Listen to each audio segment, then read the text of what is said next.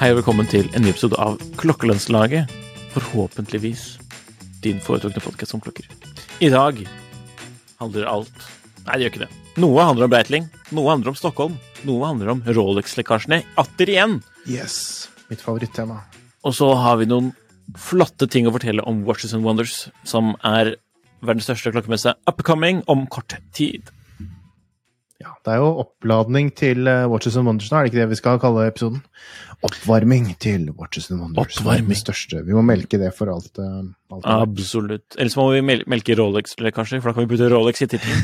Um, og av en eller annen grunn så er folk veldig interessert i det. Ja, det er veldig rart. Eller det er kanskje egentlig ikke så rart i det hele tatt. Nei. Fordi Og så er vi veldig engasjerte rundt Rolex, så derfor, er, eh, derfor kommer folk til oss for det siste Rolex-nytt. jeg, så, jeg så faktisk en eh, Rolex sportsmodell til litt under listepris i dag, på, annonsert på Tidssonen sitt forum, så det går i riktig retning for oss som har lyst til å kjøpe en eh, Som har, egentlig har lyst på en Rolex, men som ikke har lyst til å betale overpris. Ja, og da tok du faktisk dagens gullkorn på Finn, så det. takk for det. Så da kan vi faktisk starte med den for en gangs skyld, for det er jo en James Cameron som uh, Deep Sea Challenge, Mm.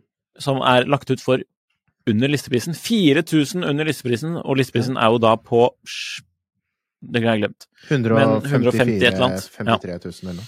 Så denne Så det er på ganske mye, mye penger for en uh, stål. Men uh, Ja. ja, jeg syns det er en av de kuleste moderne Rolex-referansene, personlig. Jeg, syns ikke det ved lansering, for da syns jeg den skiven var litt rar. Men eh, nå har den fortsatt. vokst, eh, vokst på meg, den blå, blå og sortgraderte skiven. Også den grønne skriften som egentlig ikke passer inn i det hele tatt, kanskje. Horribelt. Det jeg ikke liker ved Dipsy, er jo den derre ekstra ringen. Den, liksom den ekstra rehouten. Ja, uh, Rehouten. ja, Hva er det det står på den, da? Det står jo Deep Sea, gjør ikke det? Ja, gjør det det?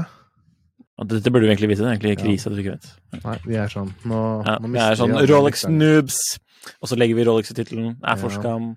På den står det Eh, Original, Gas Escape. Escape ja. Ja, ok, først. Ring, ringlock system. Ja, det stemmer. Ja. Det var det som var nytt når Ja, for det, er så, det er så viktig Sea å eh, vite. kom. Mm. Mm, kjempeviktig. Nettopp. Hvis det går dårligere med Rolex, så går det an å kanskje ha litt sånn at man kan eh, De kan starte med sånn customization. Kjøp klokken, og så kan du gravere inn ditt eget navn på ringen. på, på på den ringen.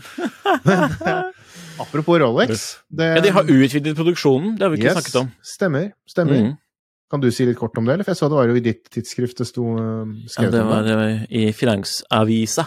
Ja. Eh, der står det skrevet at uh, Rolex skal sette opp nye produksjonssteder, og de bygger de, og håper at de skal være i funksjon uh, 20, 25, Mm. eh, 2025 på godt norsk. Eh, og det var vel egentlig the gist of it, som de sier på godt Ja, engelsk. det var vel Eh, én stor permanentfabrikk som de jobber med, og så var det, var det tre midlertidige Mm. facilities, tror jeg. Og grunnen er jo det morsomme, eller altså det er åpenbart eh, hvorfor man lager nye fabrikker. Det er ikke fordi den andre ikke funker lenger, det er fordi de vil øke produksjonen. Mm. Så det er jo er det interessant. kanskje- Det er jo nye takter vi hører fra Rolex, som tidligere kun har sagt Eller, som, ikke sagt, men det vi har antatt, er at de bare vil keep it eh, sånn som det er, holdt jeg på å si. Eh, Ja, har vi egentlig det? Jeg har vel egentlig sagt det stikk motsatte. Jeg har tenkt at Ja. jeg tror ikke Rolex er noe sånn at de bevisst har holdt igjen eh, Nei, det var ikke det produksjonen, da, som en del sånn- sånne kons klokkekonspiratorikere har holdt på snakket om. Men nå ser vi vel egentlig kanskje svaret, da. At de har lyst til å selge klokker. Vi vil selge klokker. Det er veldig hyggelig, da. Vi har lyst til å selge mye klokker. Kanskje var den nyheten som sendte bruksprisen litt ned. Ja, jeg, håper, jeg håper det. Mm. Men uh, det var uh, Men det var vel en Jeg leste en kommentar i et uh, Var det Watchbro, tro? Britisk klokkenested. Eller Pro. liksom at ja, nå, må, nå, nå blir alle klokkeentusiaster glade, men det burde du ikke bli, for det er jo bare for å for å igjen fylle lommene til de, de kundene, de etablerte kundene. Ja. Det er bare de som eh, kommer til å få klokkene sine tidligere. Da vil jeg komme med et investeringsråd. Det er jo da å kjøpe de Rolexene det ikke finnes noe mer av. Go vintage. Mm. Mm. Ja. Ja, For nå kan jo flere få Rolex. Og gå da- neo vintage på, på Rolex. For der er vel kanskje de beste prisene. Sånn, ja, kanskje ikke, kanskje ikke sånn type Daytona, da, men uh. Sub, uh, Explorer, Explorer Explorer 2. Ja, jeg vet det er ikke så mye, jeg føler ikke at det er så veldig mye mer å hente på Explorer 2. Som invest, investment, investment advisor så mener du det ikke er så mye å hente? det viser seg vel nok å være helt feil, det jeg sier. Men uh, Nei, nok om Rolex, altså. Ja. Uh, det som er nytt i denne uken, er jo at uh, Eller denne uken Når dere hører på, forrige uke, Mm. er at Jon Henrik har vært i Stockholm hos Breitling. Og der lærte du jo noen finurlige ting som de som hører på, kan lære om Eller får vite i dag, holdt jeg på å si. For det er da nyheten slippes. eh, det er en lansering som kommer i dag, jeg tror det er rundt klokken to. Og det er vel litt etter at vi har egentlig eh, publisert den podkasten her, så da kan Ja, vi ikke snakke så veldig på. mye Tidlig spesifikt morning. om det. Men uh, Breitling er jo blant de merkene som ikke skal være med på Watches and Wonders, selv om de har, de har vel en sånn der åpen eh, Åpen kom og møt oss-greie nede i sentrum eh, av Genéve, faktisk, og kjører, kommer til å kjøre litt aktiviteter i byen underveis, men de er ikke en del av den eh, messen. Eh, så de klinker til med en lansering eh, nå i dag. Eh, man skal kanskje være litt forsiktig med å si for mye, da, men det er, det er ja. knyttet til litt av det de har gjort tidligere, og kanskje en, en, en, noen nye modeller og litt, litt egentlig hvordan man ser på det. Om man skal kalle det nye modeller eller extension av noe man allerede har ja, Noe helt, helt, helt nytt kan man vel kanskje ikke si at det riktig er. Men følg med på tidssonen.no rundt eh, i todraget, så tipper jeg man får se litt, eh, litt der hva det er. Spennende. Det som var eh, litt interessant, det var jo også det å få besøke den nye butikken, eh, merkebutikken til, The til Breitling. Og det er jo nesten en, eh, hva skal jeg si, å gå litt inn i fremtiden. En tidsreise til fremtidens Oslo. Nei, Var det roboter? det var roboter som eh, tok imot jakken i døren, og så ble vi kjørt inn på sånn samlebånd inn, på, inn i et sånt stort showroom med masse, masse lys over hele, og så fikk vi på oss 3D-briller, så vi kunne gå inn i urverkene og liksom spasere inn. Og mens vi da så oss rundt i disse 3D-brillene, så kom det sånne dingser, så, det, så man kunne kjenne på de ulike delene. Man fikk liksom den derre ja. Nei, jeg bare tuller. Det høres ut som en, de spøkelsene i Harry Potter som ja, bare ikke var-? Ja. Nei, det var, eh, det var mer som eh, en slags En slags Det var mer som å gå inn på en sånn trendy loftsleilighet i New York, for det er jo liksom der de har hentet litt av interiørinspirasjonen. Hva var det han kalte det, han, Ja, nå er jeg spent. han sjefen der? Han sa det var um, eh, Han hadde pratet med noen andre pressefolk, og de hadde vel sagt det at det var det, Hva syns du om interiøret? Og det var en kvinnelig presserepresentant da, fra et sånt motemagasin eller noe, og de hadde sagt eh, Nei, jeg ville vel kanskje ikke hatt det sånn hjemme. Men jeg ville gjerne, ja, jeg gjerne datet han fyren som har det sånn hjemme. Så det var jo litt sånn herre Ok. Men, eh, og da var han veldig fornøyd, da, for det var liksom det de hadde aimet for. Så det er jo et litt sånn maskulint, eh, men, men smakfullt eh, interiør, da. Og dette har jo du mye mer peiling på enn meg, men Ja, Eh. Det er eh, varmt og velkomment, men kult, liksom. Kult og trendy. Og det er jo litt den samme stilen de kjører på de andre butikkene rundt omkring i verden. Og de er jo blant de mest ekspansive sånn når det gjelder å kjøre egne merkebutikker. Noe eier de selv, noe er sammen med Watches and Switzerland, som er et navn man kommer til å høre mye om, tror jeg, også i, kanskje i Norge fremover, i hvert fall i Skandinavia. Um, så de er veldig på åpne butikker, og det har man jo også sett. De har i um, Stockholm, de har i København. Um, de har kjørt, de har flere i Stockholm, faktisk. De har vel en også i For nå var vi jo den som ligger i um, Biblioteksgatan, som liksom er den luksusgaten. Uh, så har de også en ute på et kjøpesenter og diverse. Ja, på den Globen, um, eller? Nei, um, hva er dette fra Mall Mallows Westfield, er det det det ser? Det var veldig svensk navn. Ja, veldig svensk. Ja. uh, Mall of Scandinavia eller Ja. noe sånt. Men den andre morsomme sånn uh, Nei, Klokkemaster Globen. Uh, Det er ikke den. Men det Nei. er også en morsom eh, Forhandler, ja. Ja, jeg møtte Svante som er der. Han eh, var De har mye sånn grønn Seiko slik. er Mest ikke? kjent for Seigo og GS, så det er vel Mm. kanskje der veien videre for de ligger eh, Ja. primært. Spennende type. Eh, nei da, så det var spennende å høre litt om veksten til Breitling, for det har jo Breitling var jo lenge litt sånn et merke som var litt på vei ned. Eh, I Norge så har vel aldri egentlig Breitling vært så stort som det har vært i Sverige, for eh, Og det har litt sammenheng med det at Breitling kom jo til Skandinavia via Sverige. Og en, eh, en, eh, et, et foretak der som startet eh, i 87 eller 86. Eh, så det har jo et mye mer sånn forhold til, til Sverige enn enn i Norge, sånn sett. Og det er litt sånn som vi har sett i Norge med Tag Hoier, hvor Tag Hoier har vært skikkelig stort i Norge og marginalt lite i Sverige, men det er pga. distribusjonen, ikke sant, med norsk, norsk distributør for um, Skandinavia. Så er det ofte en tendens til å bli litt sånn.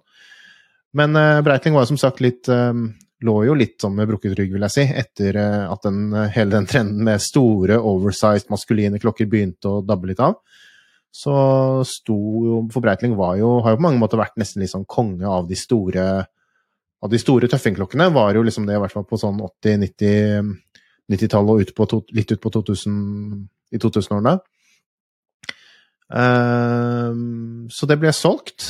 I uh, 2017 så kom et private equity-selskap som heter CVC Capital Partners inn, uh, og ble majoritetsaksjonær. George Cairn kom inn fra IWC, tidligere IWC-CEO, som jo er ganske kjent ja, det blir kanskje litt feil. Han er vel ikke helt den nye Beaver ennå, men, men altså, man er i en sånn han, han, har Vi får se hvor, hvor veien går videre, da, men han, han, er jo liksom en av de virkelig profilerte topplederne da, i den sveitsiske urindustrien. Har gjort mye bra og mye, og mye litt rart, men, men, gjør ting på sin helt egen, egen, greie. Og de har hatt en vanvittig vekst siden 2017. Um, Breitling er liksom virkelig klart å, å snu den, den liksom gale løpet de var på, mot noe, mot noe stort. Um, og det ser vi jo bare nå også med det derre persongalleriet de har på ambassadørsiden. Med oh, så Erling Braut Haaland gjorde alt? Erling Braut Haaland. Mm. Nei, men altså, det er jo ganske heftig, da. Å ha, ha Haaland der, og de har Brad Pitt og liksom Charlize Theron og store, veldig store navn. Og det er jo litt sånn eh, George Cairns signatur, vil jeg si. Litt sånn som han også gjorde i IWC. Men så klart, man kan ikke bare selge klokker med kjendiser, man må jo også ha, ha produkter. Og også der har de jo ryddet veldig opp. De har dyttet ut en del av de veldig sånn oversized uh, 2090-tallsklokkene, og så har de enten oppfrisket uh, designet eller uh, satt det litt på vent. Det kommer nok mer i løpet av året som, som uh, mer hva skal jeg si, nytolkninger av gamle klassikere. Vi har, så det jo i fjor, nei, i fjor, det er nå tiden flyr. Krono holdt på å si Kronomaster, Kronomat. men nå er jeg Kronomat stemmer. Stemmer. Eh, kronomaten, som du syns er litt kul, som er liksom 80-talls eh, mm, Den er fresh. Den er fortsatt ganske stor, men du får de forskjellige størrelser, da. Så det men kronomaten, de, krono, altså, kronografen, den er jo mm. um, Jeg brukte nesten ordet fet. Mm, kanskje jeg skal gjøre det? Den er kul. Ja, Du syns lenken er kul? Ja, lenken, er, spes spesielt lenken. Mm. Fordi den er veldig Den er tidsriktig for 90-tallet. Ja. Nei, altså De har jo veldig ambisjoner, da. og De mente vel selv de var sånn topp syv eller noe. Jeg husker ikke helt om det var på omsetning eller merke, merkekjennskap eller et eller annet. da. Er, er, det sånn konsept gi deg selv karakter, og så ser vi om det er riktig eller ikke? Nei, men jeg tror det var noe fra noe eksternt, men jeg husker bare ikke helt når. Og jeg som er så dårlig journalist og ikke husker hva, hva, hva som var kilden der. Men eh, topp syv-ish, og så ville de veldig gjerne opp på topp tre. Og da er det vel sannsynligvis Omega og Rolex som er av de andre to, ja. da, vil jeg, vil jeg, tro, i den, sammen, i den, sammenligningen der. Så de kommer til å satse mye mer på egenproduksjon av urverk, eh, sånn som jeg har forstått det. Eh, de har jo en, en, et urverk som heter B01, som er et kronografverk som kom for en del år siden, som de også har bygd litt ulike varianter av, og også leverer til eh, faktisk til Tudor. Uh, og det har de gjort i, i bytte. Helt riktig. I bytte mot en, et frihands-urverk eh, fra Tudor. Så mm, det var jo liksom hint Det ble ikke sagt noe eksplisitt, men altså det var jo hint da om at man kanskje ønsket å kjøre ut mer eh, egenprodusert i forskjellige modeller. For nå, nå kjører de også litt ETA, ETA eller Celita, og litt sånn, eller tilsvarende, da, i en del modeller. Eh, og dette er jo litt samme strategi man har sett ganske, i ganske mange flere merker i, i, bransjen de seneste årene, at man går mer og mer over til egenprodusert. Um, det er jo kanskje litt for å både differensiere produktet, men også det at man har muligheten til å ta litt bedre pris, da, når man er noe mer eksklusive sånn sett. Så da tenker jeg, da, da begynner jo hodet mitt å gå når jeg liksom får de hintene og, og, og lurer litt på hva ja, hva skjer da med Tudor? Kommer man da til å stoppe med leveransen og sånn? Hvis man lager et for Jeg tenker hvis Breitling ikke har behov for et trehands-urverk, for det er jo det som vil være naturlig å, å gjøre innhouse, da, hvis man ønsker å gå mer innhouse. Uh, og, vil, og hva med kronografen? Vil de da har kapasitet til å levere til oss til, til Tudor, og da tenker jeg litt sånn at kanskje Kanskje det kan være et hint om at uh, om Er det en ny Tudor-kronograf med inhouse Knissi vi kommer Eller inhouse mm. med manufakturkaliber fra Knissi vi kommer til å se i år? Kanskje ikke, men kanskje, kanskje om ikke så altfor lenge. Det er bare sånn spådom, sånn, hvis man ser på alle de signalene. Men uh, who knows? Who knows? Jeg spurte også litt, uh, litt um, konkret om når kommer Breitling-butikken til Oslo. Ja. Da var det egentlig litt det samme svaret som tidligere, men litt mer bekreftende. At, du, at det helt åpenbart var på, på, i planen. Men uh, at det er, og at det var mer et spørsmål om tid enn om. Og det er jo litt det vi har fått inntrykk av senere, selv, eller tidligere, selv om ikke det har blitt bekreftet. At det handler mye om bare det å ja, Det virker som om det er, um, det er um, vanskelig dette her med å finne en passende lokasjon. I Norge så er det jo litt sånn begrenset hvor man kanskje vil ha en sånn butikk. Både mm. av hensyn til eksisterende forhandlere og ja, hvor man har lyst til å bygge opp en, eh, en sånn luksusgate. Nå er det jo allerede mye Jeg, jeg tror vi alle vet uh, hvilken 300 meter radius det kommer til å skje. Ja, men, men kanskje litt um, Kanskje litt på andre siden, jeg vet ikke, av Karl, Karl Johan. At det er der liksom man begynner å mm. Ja. det, er jo, det, er jo, litt begrenset uh, begrenset plass nå. Så, men uh, det blir liksom bare spekulasjon fra min side, da. Ja, kanskje de tar sånn in, eller uh, shop in shop først? Nei. Nei, det tviler jeg på. Det men hva, hva betyr det? Jeg må nåværende forhandlere være litt De er kanskje ikke, syns kanskje ikke at det er så kult, eller? Nei, det, med tanke på nei, hva andre gjør? Det er det som er litt vanskelig å vite, egentlig, da. Fordi Eller altså, det er kanskje ikke så vanskelig å vite, for jeg ville jo vært Hadde jeg drevet en butikk og de sa det, så, så ville jeg kanskje vært litt ikke syntes det var så morsomt, men uh, det er litt sånn tosidig det der. For samtidig som man kanskje for de i umiddelbar nærhet vil få en konkurranse og, og kanskje til og med på sikt uh, miste et merke, så tror jeg f.eks. For, for mer uh, perifere forhandlere så kan det være en fordel. Fordi med sånne butikker så kommer det som regel også en ganske stor boost i markedsføring. Uh, og det kan jo slå ut også for liksom, bor man i ja, Trondheim eller Stavanger eller Bergen eller noe sånt. Og så, da er det jo ganske langt å sette seg på fly til Oslo for å kjøpe en Breitling, hvis man kan gjøre det lokalt. Så Nei, jeg vet ikke. Det, det, er mange ting på gang, og det er jo også i Stockholm, og det er gøy å gå der og se det som skjer, for det er jo også en, en um, Patek Philippe-butikk som uh, det er vel ikke helt bekreftet, men det er eh, mange av de jeg snakket med fra bransjen som mente det ville komme, komme der hvor denne Bo Berggren-urhandelen ligger i dag, også i Biblioteksgata. At det ville bli konvertert til en eh, sånn Patek-salong eller Patek-butikk. Og blir vel da Nordens uh, første, eller noe sånt nå. Spennende. Muligvis det. Er, så, er, det, er det noen, forresten noen andre rene Patek-butikker i um, I fastlands-Europa, holdt jeg på å si. Er det ja, det nærmeste si hadde vel vært sånn fastlands-euro Nord-Europa. Ja, inkluderer det Belgia, da? Ja, er det en patekbutikk? Patek-butikk eh, en, en, egen Nei, men jeg tenkte meg at det, liksom, det, var det lengst opp jeg kunne tenke meg at ja. Eh, et land man ville etablert i. Ja. Nei, jeg, jeg, jeg, vet ikke. Jeg har ikke helt oversikten over hvordan det er, men for en del av de andre butikkene er vel um, I Genéve og sånn, selvfølgelig, men, men uh, ja. Det er jo ofte litt sånn noen butikker som er hva skal jeg si, mer eller mindre koblet til en forhandler, hvis du skjønner hva jeg mener.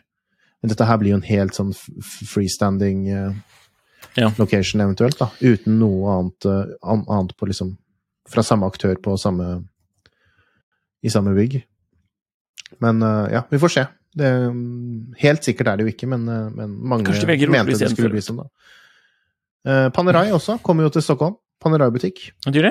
Ja, så det Og det har vi også en sak på, på Tidssonen som det går an å se litt på, som kommer til å bli drevet, så vidt vi har forstått, fra, av Nymansur, som jo er en av de etablerte forhandlerne der fra før. Og den kommer da til å ligge ved siden av Nymansur. Så det er litt kult med, med Panerai. Det er ikke det, det, som hadde vært det første merket jeg hadde tenkt på som, som det var liksom noe man skulle starte egen butikk for, men uh, mm. det, ja, du har kanskje litt andre Nei, altså den er fryktelig liten. altså Selv den i Genéve er veldig liten. Så jeg tror ikke Mm. det blir så veldig svært. Og Nei, hvor mange ansatte må de ha da? Fire sant, for å holde det gående? Så kan være verdt investeringen, det. Ja.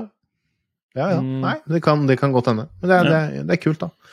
Og det er Mm. kult siden det er et merke som er veldig litt sånn omdiskutert, i hvert fall blant de gamle gutta og gamle, gamle fansen. Så er jo Panerai litt sånn, men så ser man samtidig at kanskje det selges en del klokker likevel til litt nye kunder og litt andre kunder enn det man kanskje skulle tro, da. Enn de, enn de som bare driver og er opptatt av krigshistorie og som Ja. sier eh, å, den var fin, eller den var stygg, og har veldig sterke meninger, og så har man fire Panerai, og så kommer man ikke til å kjøpe Den til. Og det er klart, man kan ikke drive et merke på, på et sånt kundegrunnlag. Det, Ja, det. da må man tenke litt nytt, og så tråkker man sikkert på noen tær eh, underveis, da, selvfølgelig. Ja. Så, Jeg lurer på om altså, selv ikke Tyskland har egen eh, Altså at Patrick har egen butikk der, altså. har de ikke? Jeg bare drev og browset litt nå. Mm. Det var, uh, I så fall var det ikke i Hauptstadt. Nei. Uh, de har mye sånn vempe, vet du. Mm, ikke sant? Eh, nei, eh, så vi kommer ikke noe videre på akkurat det spørsmålet der. På Nei, men det får vi sikkert noen tilbakemeldinger på. Ja. For det er sikkert noen som har full oversikt på det, som har ringt rundt hele for å få en komme på liste på Nautilus. Så, vet- Apropos det, jeg spottet faktisk en eh, 5711 på bussen i dag for eh, eh, Ja. om morgenen, så det var jo det var et lystig syn. Ja. Mm, kanskje vedkommende så at jeg også sto slik og holdt i håndtaket, da. Ja. Uh, Men han visste jo ikke hva du hadde, da. Han, han visste ikke hva Jo, jeg Hadde tipper han gjør. Hadde vært en Rolex eller en Royal Oak eller noe sånt, så hadde kanskje visst hva det han var. så ut som en kjenner. Han visste ikke hva Kanskje det hvis, uh, hvis det vedkommende vil vedkjenne seg, mm, mm. så er det bare å sende en melding, naturligvis. Cool fact a crocodile can't stick out its tongue. Also, you can get health insurance for a month or just under a year in some states. United Healthcare short term insurance plans, underwritten by Golden Rule Insurance Company, offer flexible, budget friendly coverage for you. Learn more at uh1.com. If you thought the only way to get a more defined jawline with natural looking results was through surgery, think again. Juvederm Volux XC is a non surgical injectable gel filler that improves moderate to severe loss of jawline definition and can help you achieve natural looking results with little downtime. Even better, this improved definition lasts up to one year with optimal treatment. No maintenance required. Improve jawline definition for a smooth, sculpted look with Juvederm Volux XC. For important safety information and to find a licensed specialist, visit juvederm.com. That's J U V E D E R M.com. Not for people with severe allergic reactions, allergies to lidocaine, or the proteins used in Juvederm. Common side effects include injection site redness, swelling, pain, tenderness, firmness, lumps, bumps, bruising, discoloration, or itching. There's a risk of unintentional injection into a blood vessel, which can cause vision abnormalities, blindness, stroke, temporary scabs, or scarring. Talk to a licensed specialist to find out if it's right for you.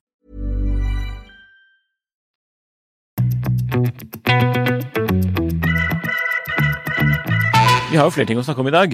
Ja, Men skal vi vi ta en liten apropos, siden jeg fikk lov å vise mitt ur i dag, altså Mm. dobbeltkrono eh, fra IWC. Holder den opp mot kamera her, se på YouTube. Eh, Hva har de på, Jon Henrik? For du er jo i et slags eh, Jeg vet ikke om du er i kjøpsmodus, eller hva? Jeg er ikke i kjøpsmodus, det er jeg ikke.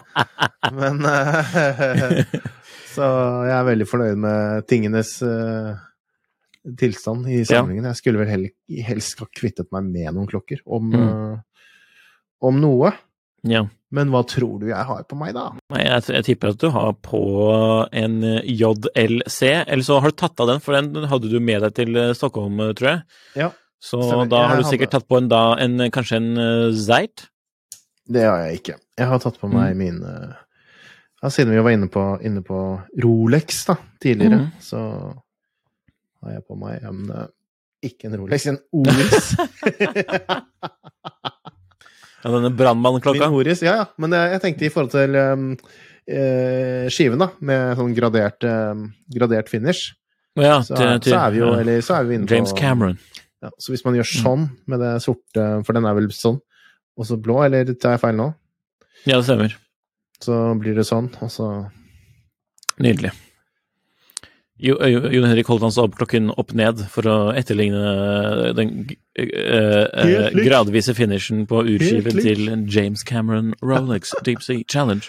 Nei, Ja. Eh, nei, for, for øvrig, uh, apropos måten jeg snakket på på engelsk der. Da har jeg fått kritikk for i, i Jeg gikk gjennom omtalene våre på Apple Podcast, Ja. og da skriver én Veldig morsom podkast, men irriterende når den ene programlederen lager stemme når han tror han er morsom. Eller et eller annet lignende. Uh, så det. Ja, men tror du det var deg, ja, eller? Nei. Ellers vet jeg ikke. Det var samme dagen som du Når du, når du eh, Etterlignet Jørgen. etterlignet Jørgen. Ja. Ja. Så eh, jeg vet ikke. Kanskje han eh, tok seg nær av Kanskje det er Jørgen? Kanskje det er Jørgen? Nei. Men apropos det, så må vi jo minne, på- folk om å gå og rate denne podkasten. For siden du hører på, så håper jo og antar vi at du liker det. Og dermed Mm. fem stjerner, please. Og så må vi oppfordre han som kommenterte det, til å, til å si hvem det var, da, for ellers så har vi jo ikke noe mulighet til å, Etterpå det. For eh, dere har jo kanskje hørt at uh, jeg har jo fjernet SKJ-lyd nå, så Veldig imponerende. Ja. Rolex igjen, tenker jeg. Det var en En lang lit- kunstpause. En, eh, eh, apropos det, hør også på Kunstpraten, for de som hører på. Um, vi har en liten oppdatering eh, angående Rolex-lekkasjene. Vi hadde jo det i forrige episode. Det Um, stemmer. Jeg skal prøve også å dele litt der. skjerm her òg, for det har vi fått litt Del på. um, At, det ikke var, uh, at ikke vi gjorde det skikkelig. Og det Nei. var fordi forrige gang så hadde vi litt problemer med Ja, da var vi på Google istedenfor det programmet vi er i i dag, for de som ser på, da. Eh, og det man kan si, er jo at kanskje de ikke var så korrekte likevel. Eller altså, vi, vi antok jo ikke at de var 100 korrekte når vi så de. Nei. Eh, men for Vi vi er naturligvis vist- ytterst kilde, kildekritiske. Vi har vist Så- denne her tidligere. um, Denne her er da en Kanskje ikke vi viste, vi snakket Gull bare om det. Daytona med meteorittskive, Mhm. Og så var det den grønne subben. også i gull. Og så var det vel denne Sprite eh, GMT-en med Ja, den- korrekt, eh, holdt jeg på å si. Med korrekt krone. Eller ikke Mhm. kro, det er korrekt krone, ser det jo ikke ut som der, men den er på korrekt side, i det minste. Nei. Og så eh, ja, Milgaus også. Med Crown Guards. Eh, tror jeg vi eh, var inne på. Den visste vi, ja. Ja, stemmer. er det Men denne har vi ikke visst. Nei, dette var jo da en bimetall Submariner. Gull og rosé. Mm. Og en uh, Daytona. Som ser helt lik ut som den som er nå. Som ser ganske lik ut, men med Oyster Flex. Ja, se der, ja. ja. Og det var jo nettopp her hvor folk begynte å reagere. Lukte mm. ugler i mosen. For etter å ha gjort en så heftig uh, lekkasje, så var det noen som uh, endelig dreit seg ut på et eller annet lite, en liten detalj, da, mens de satt og mekket dette i Photoshop. Antagelig. Eller? Nei, altså, jeg, jeg, jeg aner ikke. Man vet aldri. Eh, men men eh, ja, det er jo noen som begynte å, å, dette ut eh, på det tidspunktet her, da, med referansenummeret. At de mente at ikke det hang på At ikke det henger helt på greip. Og ja, jeg så jo også det at han Rolex Passion Market Nei, Passion Market, Rolex Passion Report, som jo pleier å være ganske treffsikker, eller, eller treffsikker at han poster, han poster reelle re- lekkasjer. Eh, han har jo ikke postet noe mer enn de to første mm, klokkene. Mhm. Og det tenker jeg er kanskje litt uh, rart.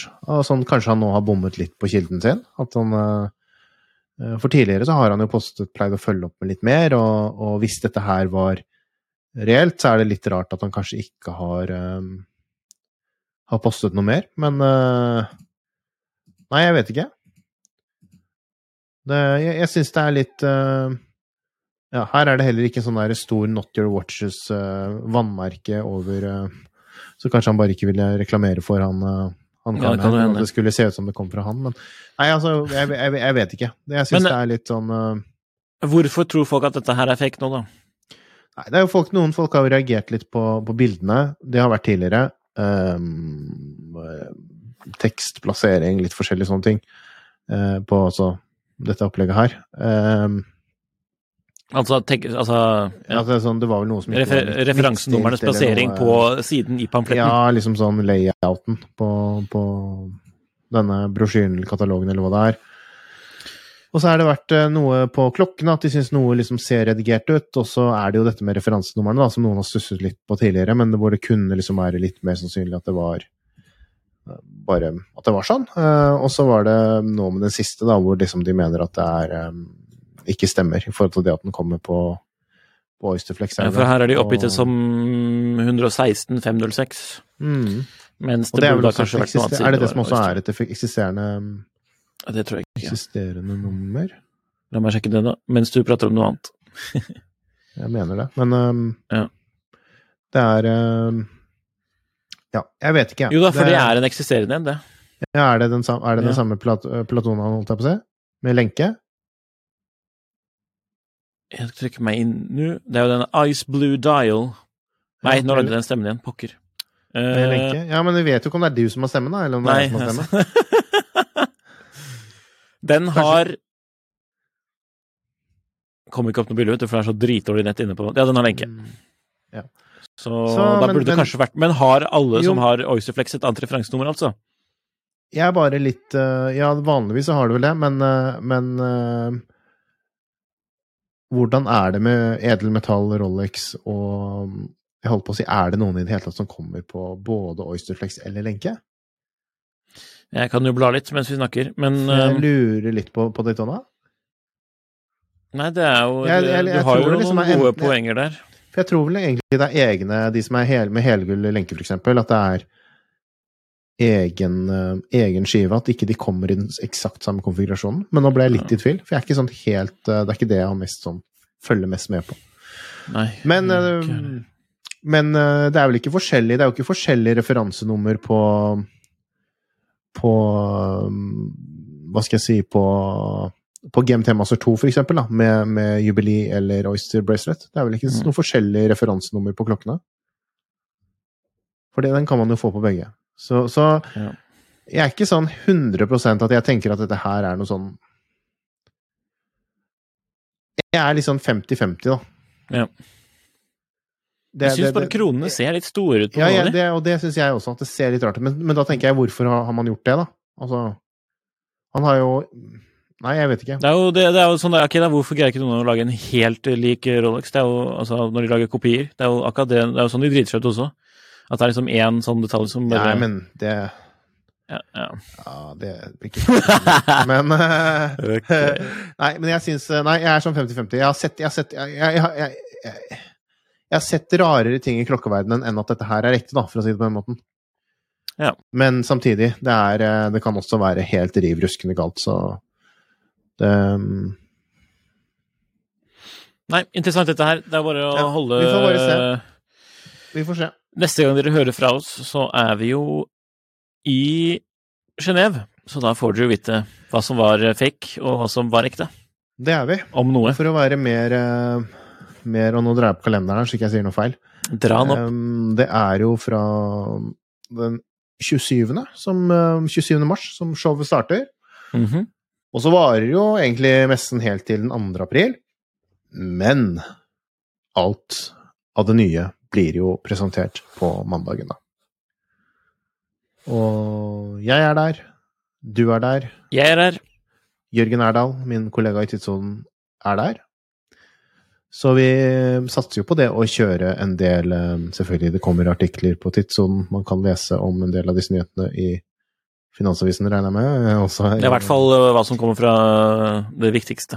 Ikke sant? si. Rolex, Så, men Ja, men eh, vi kommer jo også til å prøve prøve å kjøre litt uh, løpende dekning, holdt jeg på å si. Med, Ja. For vi er jo på messegulvet og jobber hardt ja. Mhm. hele um, uken. Uh, ja, nesten hele uken. Um, så da tenker jeg at man kan følge oss på Følg med på tidssonen.no. Følg med på Gjør. Facebook. eh, Facebook-gruppen Tidssonen. Følg med på at Tidssonen på Instagram. På, eller at, jeg må kanskje ikke si det. Følg med på Tidssonen på Instagram. Følg med på min konto som heter Haraldsen med to r-er. Vi kan linke til dette her i fotnoten. Vi gjør det. Og så er det meg, da. At nitall, Nikolai. Nikolai Eh, med N-I-K-O-L-A-I, er det ikke det? Nei! Jeg orker ikke engang. COI. Ikke Nikolai. Og så er det Jorgen, e-poster. Jorgen, Erdal. Men som sagt, vi linker til dette her i, Ja, ja, ja. Dette løser seg. i fotnotene. Så da kan man følge med for å få litt videos og fotos og litt blikk bak. uh, Absolutt. Og vi lover daglige podkast. For vi tar med oss hele kittet ned. Vi tar med oss Og Altså, er en, en, operative. form, en, en eller annen form for podkast blir det i hvert fall. Mm, det er Det er- utvilsomt. Så dere kan følge med i hvert fall nest, altså daglig fra vi ankommer søndag, Mm. og jeg drar inn på onsdag, men det gjør kun Henrik, så kanskje vi får Nei. til tredje podkast Podcast hver dag der. Så i løpet av de periodene. Vi får se. Men uh, Detaljene det- blir naturligvis, det er uh, egen artikkel på tidssonen, regner jeg med, med sånn, du, sånn følger du med på Watches and Wonders 2023. Her får du detaljene. Her får du detaljene. The deeds. Vi skal ta med alt fra vi våkner til uh, vi dusjer og spiser frokost og sitter, sitter på bussen. Og til, På bussen. Til jeg sitter på trikken, fordi jeg skal bo i Trikken, Frankrike. Vi Så. trikke, ja, vi skal på buss. Mm. Og så til vi går inn, og til vi ja, Nei, ikke fullt så detaljert, kanskje, men eh, nei, vi kommer til å møte mye, mye eh, kule folk og Mm. Det er noen nordmenn som skal også, i hvert fall DJ eh, Nei, Morten Paulsen. Um, Morten skal ned en tur. Um, så vidt vi vet. Så, og- som er tidligere eh, eh, eh, gjest i podkasten, må vi kanskje presisere. Ja. Og Oris fanboy. mhm. Espen skal vel også Som også har hatt ja. noen innslag i Klokkelandslaget, faktisk. Ja, Stemmer. Så det. Men uh, more details to come. Mm. Jon Henriks hjørne. Jon Henrik svarer på et leserspørsmål. Der altså. Mm. Frode UV spør. UV? Spørs- Uv? Er, er, Ja, UV. Ja, Uv? ja beklager. Jeg, vet- jeg vet ikke, jeg. Frode Uv. Spørsmål fra en desktop diver. Vil et automatisk urverk etter én dag ved kontorpulten være fullt opptrukket? Ja. Og det er jo et spørsmål som er ganske vanskelig å svare på. Mm. Eh, fordi det vil jo avhenge litt av hvor godt var den klokken trukket før du satte deg ned. Mm. Hvor aktiv er du? Du skriver at det er ved et kontor, men altså Man sitter jo som regel ikke bare helt stille. Altså, Ja, man må jo opp for å spise lunsj. Og Nikolai, du sitter jo litt sånn her, du, når du skriver. Med jeg Sitter og sånn... danser sånn. Lader opp mitt automatiske ur. Neida. Men jeg tror nok det, hvis man ikke trekker opp en klokke, hvis man ikke trekker opp en klokke, og så bare trekker den så den begynner så vidt å gå, og så setter man seg ned ved en kontorpult, så jobber man lange dager og gjør dette dag etter dag etter dag uten å være noe særlig aktivitet, så vil jeg vel kanskje si det at det er um, det er en sannsynlighet for det at ikke det vil Altså øh, vil det automatisk være fullt opptrukket? Nå må jeg lese spørsmålet igjen, og det, og det kan jeg vel svare på at det vil det sannsynligvis ikke. Høyst sannsynligvis ikke være fullt opptrukket. Uh, jeg startet nå med å faktisk svare litt feil, fordi, fordi det var jo Jeg tenkte jo det om klokken fortsatt gikk, men altså sånn uh, fullt opptrukket, det kan jeg vel nesten definitivt si at det tviler jeg veldig sterkt på. Mange merket vel under korona at når det var mye, mye stillstand, Mm. at eh, klokkene ikke gikk spesielt mye. Nei.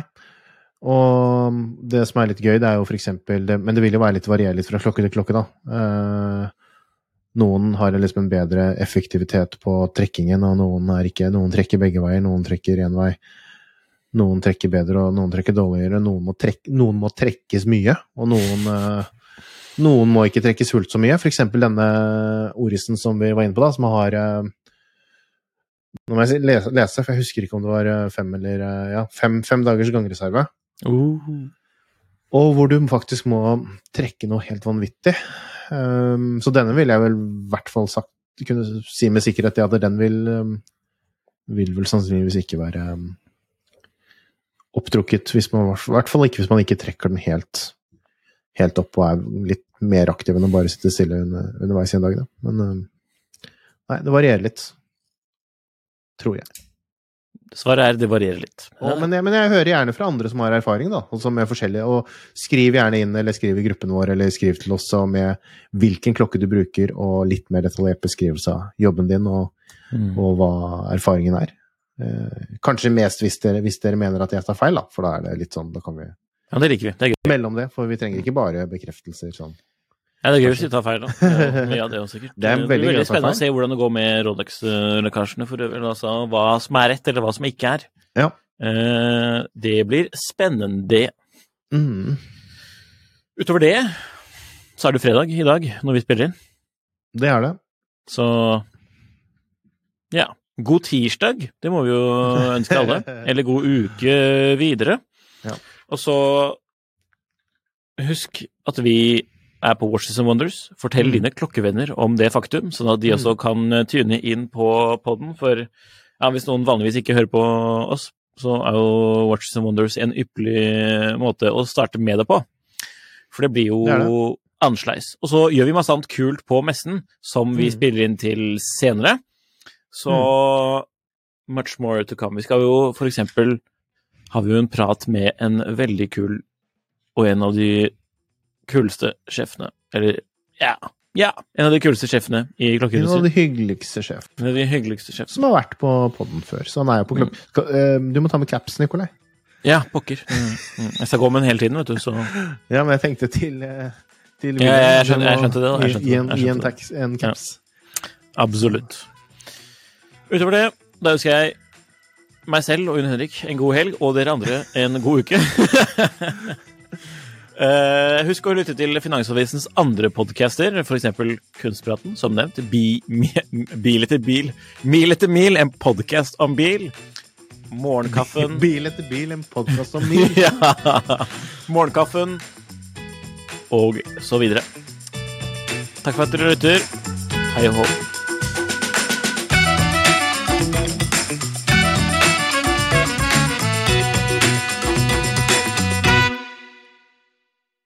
Klokkelandslaget er en Finansavisen-podkast i samarbeid med Tidso. Programleder er Nicolai Giel og Jon Henrik Haraldsen. Produsent er Lars Brenden Skram.